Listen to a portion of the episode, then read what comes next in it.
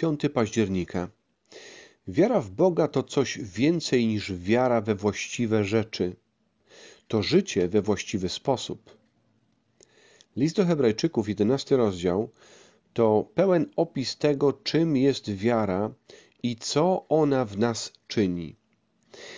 Czytamy tam w taki sposób. A wiara jest pewnością tego, czego się spodziewamy, przeświadczeniem o tym, czego nie widzimy. Wszak jej zawdzięczają przodkowie chlubne świadectwo. Przez wiarę poznajemy, że światy zostały ukształtowane słowem Boga, tak iż to, co widzialne, nie powstało ze świata zjawisk.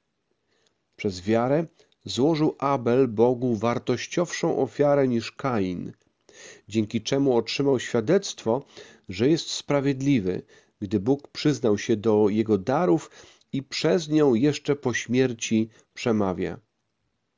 Przez wiarę zabrany został Henoch, aby nie oglądał śmierci i nie znaleziono go, gdyż zabrał go Bóg.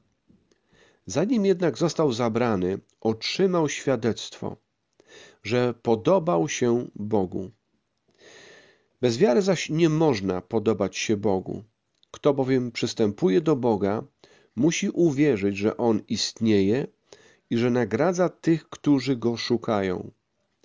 Przez wiarę zbudował Noe, ostrzeżony cudownie o tym, czego jeszcze nie można było widzieć, pełen bojaźni, arkę dla ocalenia rodziny swojej i przez nią wydał wyrok na świat i odziedziczył usprawiedliwienie, które jest z wiary. Przekonanie serca i pewność umysłu to dwie niezbędne części składowe prawdziwej wiary. Przekonanie serca i pewność umysłu. Ale nie oddające w pełni tego, czym ona jest. Prawdziwa biblijna wiara to zawsze coś, czym żyjesz. Jeśli nie kształtuje ona Twojego życia w całkiem nowy sposób, to to nie jest prawdziwa wiara. Wiara to nie tylko intelektualna zgoda na jakiś zbiór prawd. Obawiam się, że tak niestety jawi się w ewangelicznych kręgach naukowych. Prawdziwa wiara natomiast radykalnie i na nowo porządkuje nasze życie. Dlatego rozdział 11 listu do Hebrajczyków skupia się bardziej na tym, co wierzący ludzie zrobili ze swoim życiem, niż na szczegółach ich teologicznych przekonań. Wiara jest głęboko teologiczna, ale jest też czymś o wiele więcej. Autor listu do Hebrajczyków podaje trzy przykłady tego, jak prawdziwa wiara przemienia życie człowieka. Przede wszystkim przekierowuje i przywołuje uwielbienie. To była kwestia z Kainem i Ablem.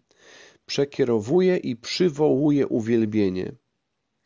Po drugie, rodzi posłuszeństwo w sercu. Tu był przykład Enocha. Po trzecie, sprawia, że poddajesz się Bożemu powołaniu. Tu znowu mamy Noego. Zastanów się nad tym. Życie każdego człowieka kształtowane jest przez to, czemu oddaje chwałę. Życie każdego człowieka kształtowane jest przez to, czemu oddaje chwałę. Przez zasady, których przestrzega oraz przez powołanie, któremu oddaje swoje życie. I jeszcze raz to samo zdanie. Życie każdego człowieka kształtowane jest przez to, czemu oddaje chwałę, przez zasady, których przestrzega oraz przez powołanie, któremu oddaje swoje życie. Prawdziwa, żywa biblijna wiara sprawia, że poddajesz się wszystkim tym trzem wpływom. Bóg staje się obiektem Twojego uwielbienia. Jego zasady definiują moralne granice Twojego życia, a praca dla Jego królestwa staje się Twoim radosnym powołaniem. Wiara w to, że Bóg naprawdę istnieje i nagradza tych, którzy Go szukają, jest radykalna. Pamiętaj, że sam nie możesz wzbudzić w sobie takiej wiary, która kształtuje życie. To zawsze jest dar łaski.